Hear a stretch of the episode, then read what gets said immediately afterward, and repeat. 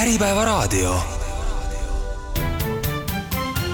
sisuturundussaade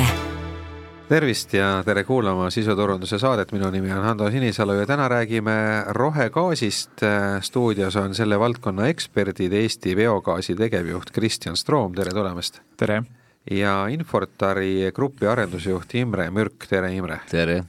ja Eesti Biogaas on siis Info, Infortari grupi üks sidusettevõte ja enne, kui me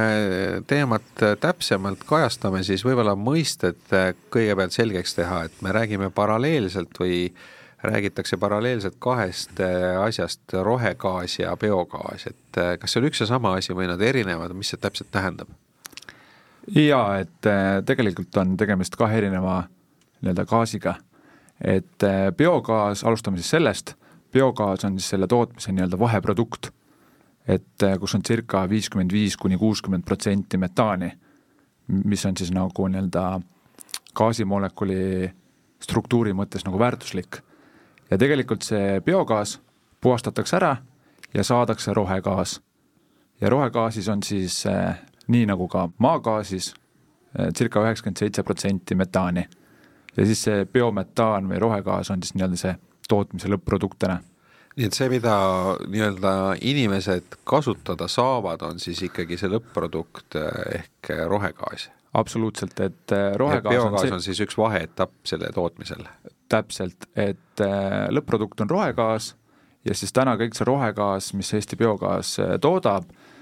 olgu ära öeldud see, et Eesti Biogaas on täna Baltikumi suurim biometaani tootja. Eestis me toodame circa viiskümmend protsenti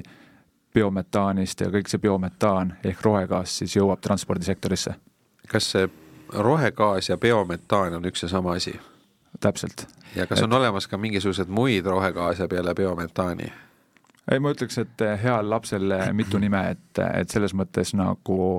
rohegaas võrdub biometaaniga. et siis ja keemia, keemiatunni selline vahekokkuvõte on see, et rohegaas ja biometaan on üks ja sama asi ja siis biogaas on äh, üks vaheetapp äh, tootmisprotsessis, et valmiks rohegaas ehk biometaan. täpselt nii ja, see on rohe... keemias viie. täpselt, et äh, ja võib üldistada veel seda, et Eestis toodetud rohegaas ehk biometaan on kodumaine nii-öelda rohekütus, mis siis nagu öeldud, jõuab sada protsenti täna transpordisektorisse. Eks omal ajal, kui hakati arutama seda teemat ja avalikkuse ette toodi, siis muidugi kommunikatsioonis just ei tahetud väga seda keemiasõna ehk siis metaan ja metaan kasutada ja otsiti midagi sellist, mis nagu sobiks sellesse rohepöörde konteksti ja aga ütleme, vaadates nagu seda tehnoloogia poolt, siis äh, õige sõna on muidugi metaan selles mõttes, et äh, molekul CH4, mis siis äh, tuleb siis nagu lõpptootena välja jaamades on tegelikult seesama keemiline metaan, mida me siis äh, liigutame ka siis äh, maagaasi võrkudes nii-öelda fossiili näol, nii et tegelikult noh, keemiliselt on tegemist ja täpselt sama metaaniga, mis tuleb meie lõpptoodetena välja. et iseenesest, kui, kui me seda nüüd põletame kusagil näiteks mootoris, siis et see Katarist tulnud metaan ja siis see, mida te toodate Eestis äh, lehmalägast, äh, see põhimõtteliselt keemilises mõttes on sama molekul, aga lihtsalt tema, see viis, kuidas ta sinna ballooni jõuab, on erinev. vaade nüüd olukorrale on jah, selles mõttes õige, et kui me vaatame nüüd, mis toimub siis äh, sisepõlemismootoris, siis kõik on täpselt seesama. aga mis puudutab nüüd seda laiemat rohepöörde konteksti, siis kogu see nii-öelda poliitika ja rohepööre on siis nagu üles ehitatud süsinikuringe metoodikale ja vaadatakse seda suurt süsinikuringet, kus siis atmosfääri eh, CO2 siis eh, liigub eh, nii-öelda läbi siis loodusfääri ja läbi siis inimtegevuse siis nagu ringina. ja selles kontekstis on siis biogaasi tootmine nii-öelda roheline, sellepärast et Eh, ilma selle biogaasi tootmisprotsessita eh, oleksime olukorras, kus siis eh, metaan, mis siis tekib põllumajanduses, lendleks lihtsalt atmosfääri ja sellises olukorras oleks see nii-öelda süsiniku jalajälg ja, ja kliimamõjule nii-öelda see soojenev efekt märk, märksa, märksa suurem ilma selle biometaani tootmisprotsessita. nii et noh, et selles rohepöörde kontekstis on ta jällegi taastuv e-, energia nii et noh, põhimõtteliselt võib mõelda seda, et kui mootoris või kusagil gaas põleb, see metaani molekul, siis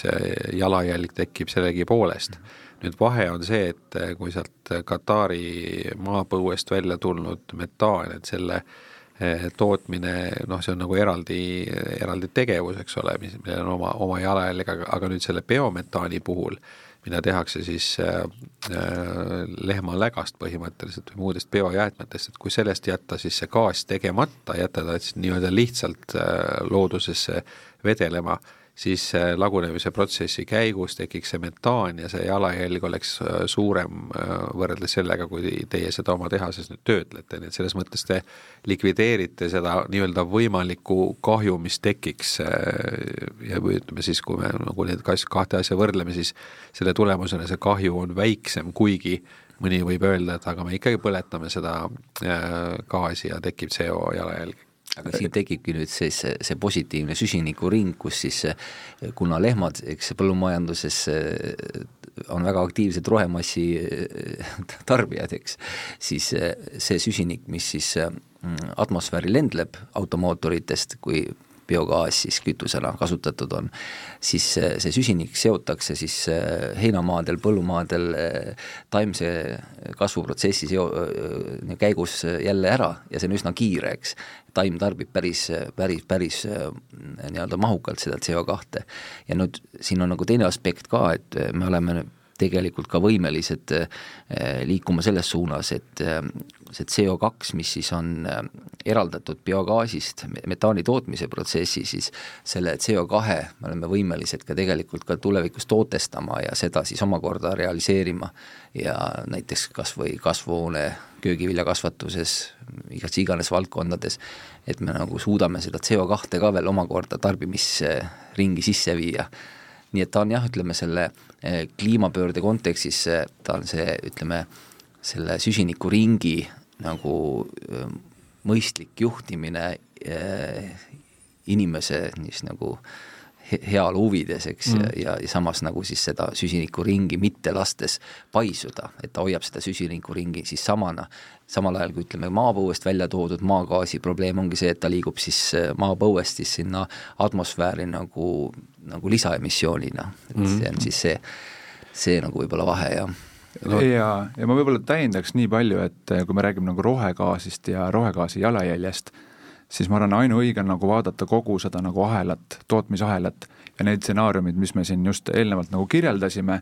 ja siis tegelikult, eh, kui me räägime nagu lehmalägast eh, toodetud rohegaasist, siis selle keskkonna jalajälg on negatiivne ja see on positiivne asi. et selles mõttes, kui ma vaatan nagu täna turul ka teisi nii-öelda kütuseliike siis tegelikult äh, rohegaasil, mis on toodetud lehm, lehmalägast, on nii-öelda kõige väiksem jalajälg miinusmärgiga, mis tegelikult nagu suures pildis tähendab nagu seda, et kui me räägime siin mingil aastal äh, kliimaneutraalsusest nii transpordis kui ka mujal sektorites, siis täna on see ainuke kütus, millel tegelikult on nagu miinus äh, jalajälg, mis aitab siis mõnda teist fossiilset kütust neutraliseerida. Kuidas see, see protsess käib, et teil on äh, gaasijaam äh, Tartu lähedal Ilmatsalus, äh, mis sinna sisse läheb, kuidas seda töödeldakse ja mis sealt välja tuleb? jaa, et Eesti Biogaasil on tegelikult täna kolm tootmisüksust, me toimetame ka sellel rindel, et neid üksuseid oleks rohkem, rohegaasi suudaksime rohkem toota, Ilmatsalus on meil jaam, kus sisse läheb äh, ühelt poolt, mis on ka teiste jaamade põhitoore lehmalega eh, ja ka tahkesünnik, ja siis tegelikult päris palju ka muid toiduainetööstuse jääke. Et eh, ma arvan, kui me Ilmatsalu jaama võtame, siis meil tuleb toore sinna kokku kuskilt kahekümnest erinevast nagu asukohast, et seda on päris palju. me paneme need kõik toormed kindla retsepti alusel kääritisse, kääritades toodame biogaasi, puhastame selle nii-öelda äh, rafineerimiskompleksis rohegaasiks ja, ja paneme selle Tartu linna jaotusvõrku. et ja sealt edasi saavad siis seda tarbida läbi Eesti Gaasi ja Alexela tanklate kõik äri- ja erakliendid. et see on hea lokaalne süsinikuring selles mõttes, et Tartu linna biojäätmed liiguvad siis gaasijaama, nad metaniseeru-, metaniseeritakse ja lähevad tagasi siis ühistransporti ja Tartu bussid siis selle sama gaasiga sõidavad kas see piltlikult äh, võttes tähendab see seda, et kui nüüd Tartu äh, elanik, inimene äh, sorteerib usinasti prügi ja paneb oma kartulikoored ja banaanikoored sinna biojäätmete kasti, et siis nendest ühel hetkel teie jaamas sünnib see gaas, mida hiljem bussimootoris kasutatakse? Noh, tegelikult on nagu niimoodi, et ma, ma jagaks need nagu erinevad toormed nagu noh, vähemalt kolme gruppi üks on see, mis tekib nagu farmides, millest me rääkisime, teine on tegelikult suur segment, mida me täna kasutame, on nii-öelda tööstustes, toiduainetööstuses eeskätt äh, tekkiv äh, jääk. Ja siis äh, kolmas grupp võiks olla, nagu te nimetasite, siis nii-öelda eraklientidelt kogutud biojääde. noh, mida täna kasutatakse vähe, ka meie oma jaamades, aga kindlasti tulevikus saaks seda rohkem kasutada seal on täna lihtsalt see küsimus, et mis puhtusastmel see biojääde tegelikult sealt olmeprügist nagu kokku kogutakse. et ma arvan, et selles valdkonnas peab enne paar sammu selle puhtuse koha pealt nagu astuma ja siis, kui see on, tegemist on puhta biojäätmega, siis seda kindlasti on võimalik meie jaamades kasutada. aga seal on see toore. probleem, et kui eratarbija lohakalt sorteerib seda prügi, et siis sinna satuvad asjad, mis ei sobi teie masinatesse ja sellest ei saa kvaliteetset äh, gaasi toota nii on jah, et äh, me saame võtta vastu ikkagi sellist tooret, äh, mis on ikkagi täiesti puhas äh, bioloogiline nii-öelda produkt. et kui seal keegi paneb sinna hulka nagu triikraudasid või midagi sarnast, siis noh, täna seda me vastu võtta ei saa, aga kindlasti see nii-öelda seal on potentsiaal kindlasti po. potentsiaal on kindlasti nagu olemas ja, ja kindlasti ta on tulevikus väärtuslik toore biogaasijaamade jaoks aga kui palju üldse see potentsiaal või kui suur see potentsiaal on, et kui me mõtleme noh, et te, te mainisite siin põllumajanduse ja toiduainetööstuse jäägid, et ilmselt eh, on ju Eestis eh, nüüd kõik, kogu põllumajandus ja kogu toidutööstus ei, ei anna oma jääk, jääke teile ja, ja tõenäoliselt on neid või, võimalusi veel, et kui nii-öelda vaadata natukene sellist, unistada tulevikku, et mis see potentsiaal siin on, et kui, kui palju meil täna sellist kasutamata toorainet üldse on? jaa, et kui me nagu Eestist räägime, siis äh, ma julgen öelda, et äh, käesoleval aastal Eestis toodetakse kokku kuskil kakssada viiskümmend gigavatt-tundi äh, rohegaasi, mis on circa kakskümmend viis miljonit kuupmeetrit, mis, kui võrrelda seda, kui palju maagaasi tarbitakse Eestis, siis see on circa seal kuskil seitse protsenti, mis on täitsa arvestatav kogus. Äh, kui vaadata seda nagu potentsiaali, siis selle koha pealt on tehtud nagu erinevaid analüüse, kui me räägime sellisest praktilisest ja käegakatsutavast potentsiaalist ja noh, ütleme näiteks välja aastal kaks tuhat kolmkümmend, mis meil võiks olla, siis ma julgen öelda, et kui me suudame,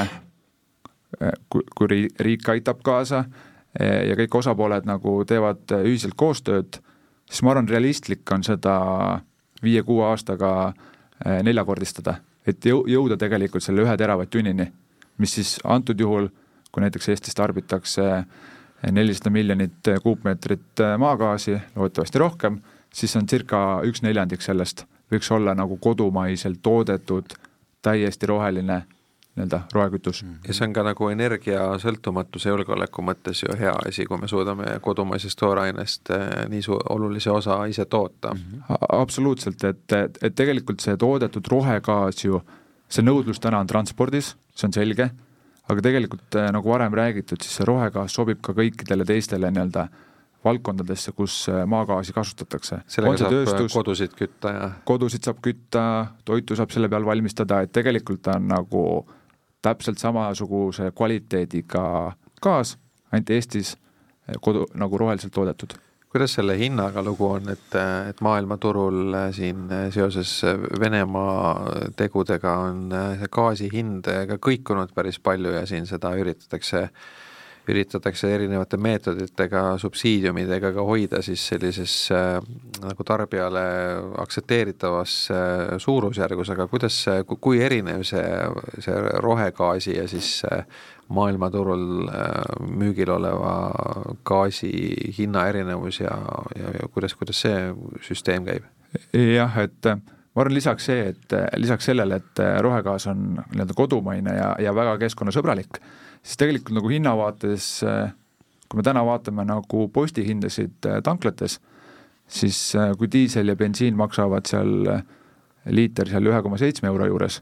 siis täna nii-öelda biometaan ja nii-öelda maagaasist toodetud surugaas maksab seal veidi alla ühe koma kolme euro. Ehk circa seal kakskümmend protsenti nagu odav, et kindlasti ta on nagu täna klientide vaates oluliselt odavam tarbida kui fossiilsed kütused aga kuidas see hind kujuneb, et selles mõttes, et, et, et kui, kui erinev see äh, gaasi maailmaturu hind ja siis rohegaasi omahind on, et mis, mis sellised nüansid seal on? kindlasti, kui võrrelda nagu nii-öelda fossiilse maagaasiga, siis nii-öelda kodumaise biometaani tootmishind äh, on mõnevõrra kõrgem et esiteks need tootmisüksused on, on juba väiksemad, äh, väiksemad nii-öelda tootmismahu vaatest ja ka päris keerulised, et, et selles mõttes ta on kindlasti nagu kallim kui sissetoodav nii-öelda äh, LNG, aga kindlasti, kui võrrelda nagu seda rohegaasi teiste rohekütustega, siis ta on kindlasti nii-öelda konkurentsivõimeline. No seal tulebki jah, mängu nüüd see Euroopa Liidu poliitika, kus siis seda CO2 on hakatud järjest rohkem maksustama et erinevad sektorid on siis eh, lülitatud sellesse ETS eh, e kaubandussüsteemi, kus siis ettevõtted peavad oma emissiooni lunastama välja, eh, makstes siis CO2 tonni hinda. Ja see nüüd see koht, kus siis biogaasi konkurentsivõime kindlasti paraneb. Aga praegu on jah tõesti selline seis, et me oleme nagu turukonkurentsis tänu sellele, et riik teeb siis oma nii-öelda poliitikameetmeid ja tänu siis ka sellele, et ähm, biogaas on siis põhimõtteliselt sertifikaadi kaubeldav toode, ehk siis et äh, biogaasi tootmisel ja selle sisestamisel gaasivõrku siis äh, Elering väljastab äh, sertifikaadi, mille alusel me saame siis tegelikult seda biogaasi pakkuda ka nii, et ta ei ole füüsiliselt siis kliendini tarbitud, ehk siis et näiteks kui mõni tööstusettevõte on sunnitud siis või regulatsioonide tõttu või ka omaalgatuslikult siis emissiooni vähendama, siis tal on ka alati see äh, nii-öelda võimalus, et ta nii-öelda ostab selle biometaani sertifikaadi ja sellega ta siis äh, nii-öelda tasaarveldab oma selle emissiooni, ehk siis et kuna äh, selle probleemi juureks siis kogu rohepöörde kontekstis on siis äh, kliima soojenemine, siis see kliima nii-öelda olukorra vaatepunktist ei ole tegelikult vahet, kus toimub see emissioon. Küsimus on selles, et see emissioon, emissioon oleks võimalikult väike ja sellest siis tegelikult ka tuleneb, et erinevate võimaluste omavaheline nii-öelda parem sidumine majandussüsteemis on nagu täiesti loogiline ja seda ka siis praegu tehakse, et praegu, mida poliitika tasandil nagu ette valmistatakse, ongi siis biometaani sertifikaadi ehk siis guarantee of origin kauplemissüsteemi üle-euroopaline väljaarendamine, sest et praegu me oleme olukorras, kus siis nagu päris paljud riigid, näiteks Saksamaa, pigem on ehitanud endale üles siis äh, sertifikaadikaubanduse bilateraalselt naaberriikidega. Ja nüüd äh, ilmselt lähiaastatel me näeme seda, et see nii-öelda sertifikaadikaubandus biogaasi tootmises äh, muutub väga laialdaseks üle Euroopa ja see loob kindlasti Eestis ka eeldused siis biometaani tootmise kasvatamiseks. räägime natuke sellest gaasi tarbimispoolest ka, et praegu Tartus, Pärnus ja Rakveres sõidavad bussid rohegaasil. et mis kasutusvariante siin veel on, et noh, kui, kui meediat jälgida, siis väga tugevalt ikkagi räägitakse elektritranspordist, aga teadaolevalt vist veoautosid, eriti pikamaa raskeveokeid elektrienergiale üle viia on tänase tehnoloogia juures ei ole, ei ole võimalik veel, et, et see akude mahutavus pole piisavalt hea, et siin on vaja muid variante, et, et mis te, mis te näete mhm. sellesama nii-öelda elektrimootori ja siis gaasi, äh, gaasiküttel sisepõlemismootori sellises duellis, et, et kus, kus üks või kus üks teine, üks on parem kui teine? Jaa, et äh, ma võib-olla jällegi alustaks ikkagi sellest nagu rohegaasist, et äh, et äh, täna kindlasti nagu rohegaasi nii-öelda suurim tarbija on nagu suuremate linnade nii-öelda bussipargid ja tegelikult nagu varem, varem öeldud, et kui me tahame, et kui me ühiselt nagu tahame, et biometaani tootmine nagu laieneks, siis tegelikult peab ka see nagu tarbijaskond nagu kasvama.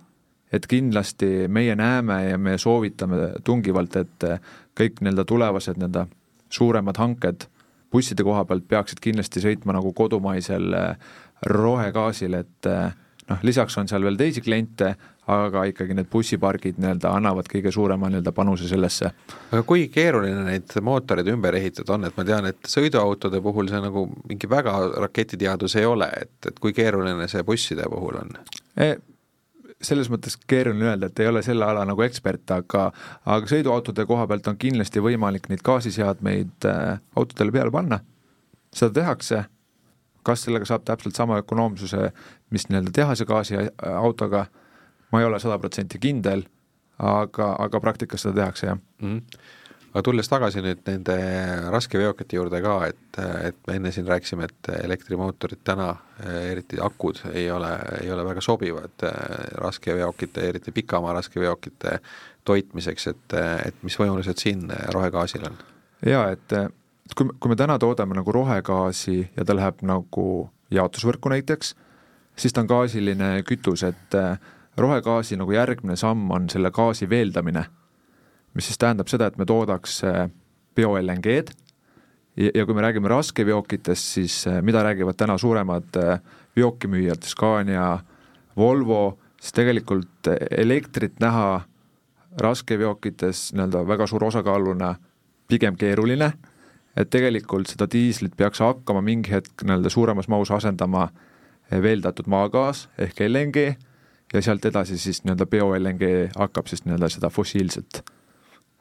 LNG-d asendama mm. -hmm. no vaadata transpordisektori poliitikaid, siis praegu enamik neist siis näevad oma seda äh, rohepööret siis äh, umbes sellises kontekstis, et kui kaks tuhat viiskümmend on siis see neutraalsuse eesmärk, et siis aastaks kaks tuhat kolmkümmend soovitakse keskeltläbi siis kakskümmend protsenti kogu oma masinapargist siis viia nagu neutraalseks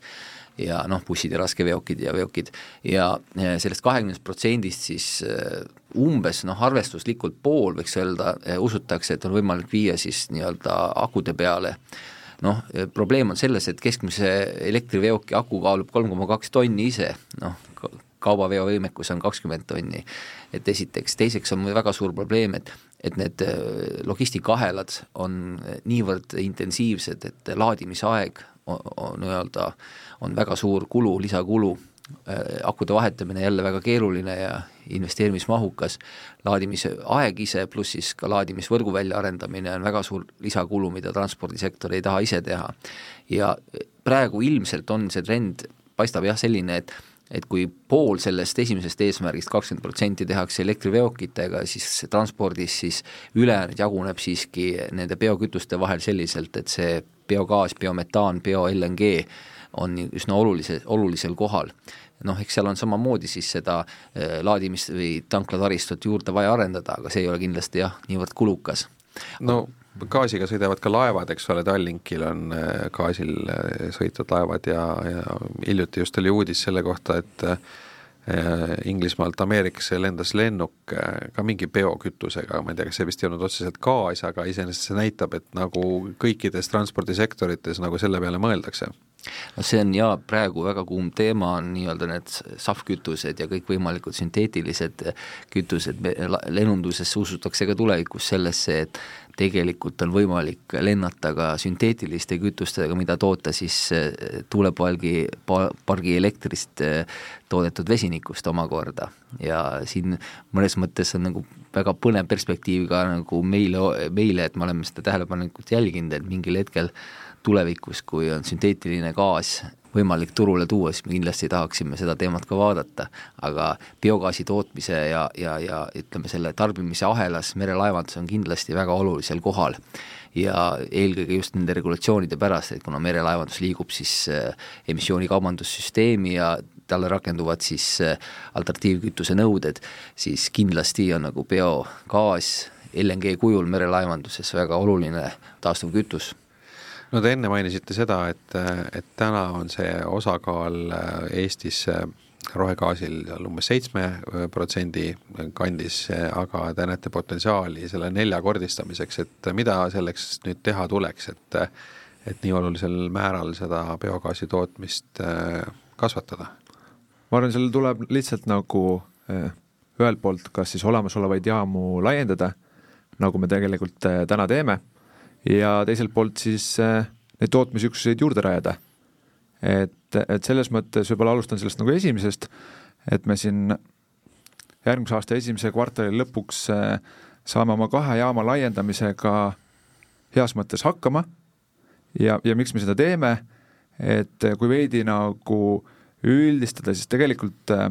täna on meil läinud nagu väga hästi tootmise, tootmise numbrite vaatest. Võib öelda niimoodi, et me oleme iga aasta oma tootmise seal viisteist, kakskümmend protsenti tõstnud ja et seda trendi nagu jätkata, pidime me nii Tartu Ilmatsalu jaama kui ka Oisu, Oisus Järvamaal asuvasse jaama ühe kääriti juurde ehitama, et seal circa kakskümmend viis protsenti rohkem kodumaist rohegaasi toota. ja teine pool on see, et äh, tuleb neid jaamu juurde nii-öelda rajada, et äh, nii nagu varem öeldud, siis täna kindlasti noh, kogu see rohegaasi tootmine on selline ühelt poolt äh, täielik ringmajandus ja teiselt poolt ka selline koostööprojekt, koostöö just äh, nii-öelda energia tootmisettevõtte ja põllumehe vahel, et äh, tegelikult põllumehed nii täna kui ka tulevased põllumehed on, on, on väga olulised ja tähtsad partnerid selles ettevõtmises. et ja täna paralleelselt me siin päris mitme-mitme põllumehega peame dialoogi, et neid jaamu Eestisse juurde teha Äh, mis roll seal, ma saan aru, et põllumeeste roll on see, et nemad on need, kelle tootmises tekib see produkt, mida te seal kääritis gaasiks pöörate, aga, aga kas nad osalevad kuidagimoodi partneritena ka seal jaamas või mis see, mis see põllumeeste roll täpsemalt on? nii nagu sa ütlesid, et põllumehelt tuleb nii-öelda jaama põhiline toore, mis on siis vedel või tahkesünnik, ja teiseks, mida meie oleme täna põllumeestele pakkunud ja ka tulevikus tõenäoliselt pakume, on see, et meie näeme, et see on nagu ühisprojekt. Ja, ja meie oleme valmis nii-öelda õigetel tingimustel rajama ühisettevõtteid põllumeestega, et oleks mõlemal nii-öelda motivatsioon seda rohegaasi toota ja toota võimalikult efektiivselt ma saan aru, et siin on see geograafiline komponent ka oluline, et need jaamad peavad asuma põllumajandustootmise lähedal, et kui seda läga hakata kaugelt vedama, siis see muutub äh, ebaotstarbekaks. jaa, nii see on, et äh, noh, siin erinevad analüüsid on nagu öelnud, et äh, noh, kuni kakskümmend viis kilomeetrit on see mõistlik nagu raadius, kuhu võib siis farm nagu sellest jaama asukohast nagu jääda, et siis on veel mõistlik seda nii-öelda transportida. Aga kui jaam asub nii-öelda farmi kõrval, siis on võimalik ka seda nagu näiteks torustikuga nagu transportida, et ei ole üldse vaja nii-öelda tehnikat selle jaoks. Kas see suund on pigem palju väikseid jaamu või vähem suuri jaamu? Selles mõttes ma arvan, et äh, kui me vaatame oma jaamu ja vaatame ka Euroopas ringi, siis äh, selline keskmise suurusega, heas mõttes keskmise suurusega jaam on selline nelikümmend gigavatt-tundi, mis on circa neli miljonit kuupmeetrit rohegaasi, täna on meil jaamad sellise suurusega, et ma arvan, et see on täitsa mõistlik suurus, kui me räägime rohegaasi tootmise numbritest aga mis, mis sealt järgi jääb, et ma saan aru, et see põllumajandusprodukt, lehmasõnnik, lehmaläga läheb sinna sisse, gaas tuleb välja, kas sealt midagi järgi veel ka jääb ja mis, mis selle, sellega saab? jaa, jääb küll, et äh, gaas võetakse välja, gaas tarbitakse transpordis ära ja nii-öelda kõrvalproduktina tekib siis äh, kääritusjääk või digestaat, seda on tegelikult põhimõtteliselt täpselt sama suur kogus, kui palju läheb tooret nagu punktis A sisse. Ja kõik see kääritusjääk ehk tigestaat läheb äh, farmeritele tagasi ja see on tegelikult väga väärtuslik äh, väetis põldudele. ja see laotatakse nii-öelda farmerite põldudele ja, ja, ja, ja kõik tegelikult on selle protsessiga äärmiselt rahul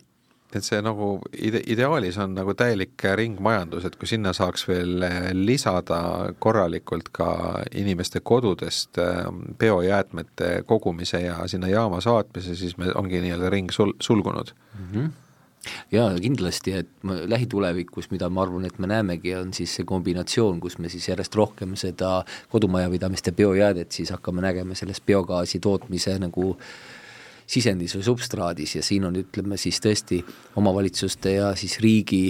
poolne tegevus väga oluline, et kuidas nad suudavad leida sellise mõistliku lahenduse, ehk siis see lõpptarbija jaoks oleks see biojäätme eh, äraandmine hästi mugav ja, ja, ja selline käepärane ja omavalitsused siis eh, suudaks siis seda korraldada viisil, et siis biogaasitootjad saaksid seda substraat saa-, hästi stabiilse kvaliteediga, et see on nagu hästi tähtis, et need kogused ju, mahud, mis seal kääritites on, on väga suured ja kui juhtub väike eksitus ja, ja on siis ütleme, purgitäis antibiootikume kuskil kääritis, eks, et see kindlasti on väga suur probleem. ja kui nüüd omavalitsuse ja riigi tasandil see ringmajanduse biojäätme kogumise pool nii-öelda hästi välja arendatakse, siis ma arvan, et see osakaal biogaasi tootmises, selle, selle bio nii-öelda kodu, kodu biojäätmete osakaal võib täitsa, täitsa korralikult kasvada ja ja väga õige ja tõesti, ringmajanduse vaatepunktis oleks ideaalne. jaa, ei absoluutselt nagu nõus, et ma võib-olla täiendaks nagu selle koha pealt, et noh, lisaks ka nagu kodumajapidamistes tekkivale biojäätmele on Eestis nagu väga hästi ja laialt nii-öelda arenenud põllumajandus et tegelikult nagu, kui meil täna neid tootmisüksusi, ma ei tea, Eesti peale kokku on seitse, siis tegelikult nagu põlla, põllumajanduses on kindlasti see nagu ressurss olemas. ja tegelikult eh, ma arvan, mis on ka nagu põllumajand-, põllumajandusettevõtete koha pealt nagu positiivne, on see, et tegelikult seesama rohegaasi tootmine aitab täna ja eriti ka tulevikus vähendada ka nagu farmerite nii-öelda farmides tekkivat äh, kasvuhoonegaaside kogust, et, et see on, see on äärmiselt oluline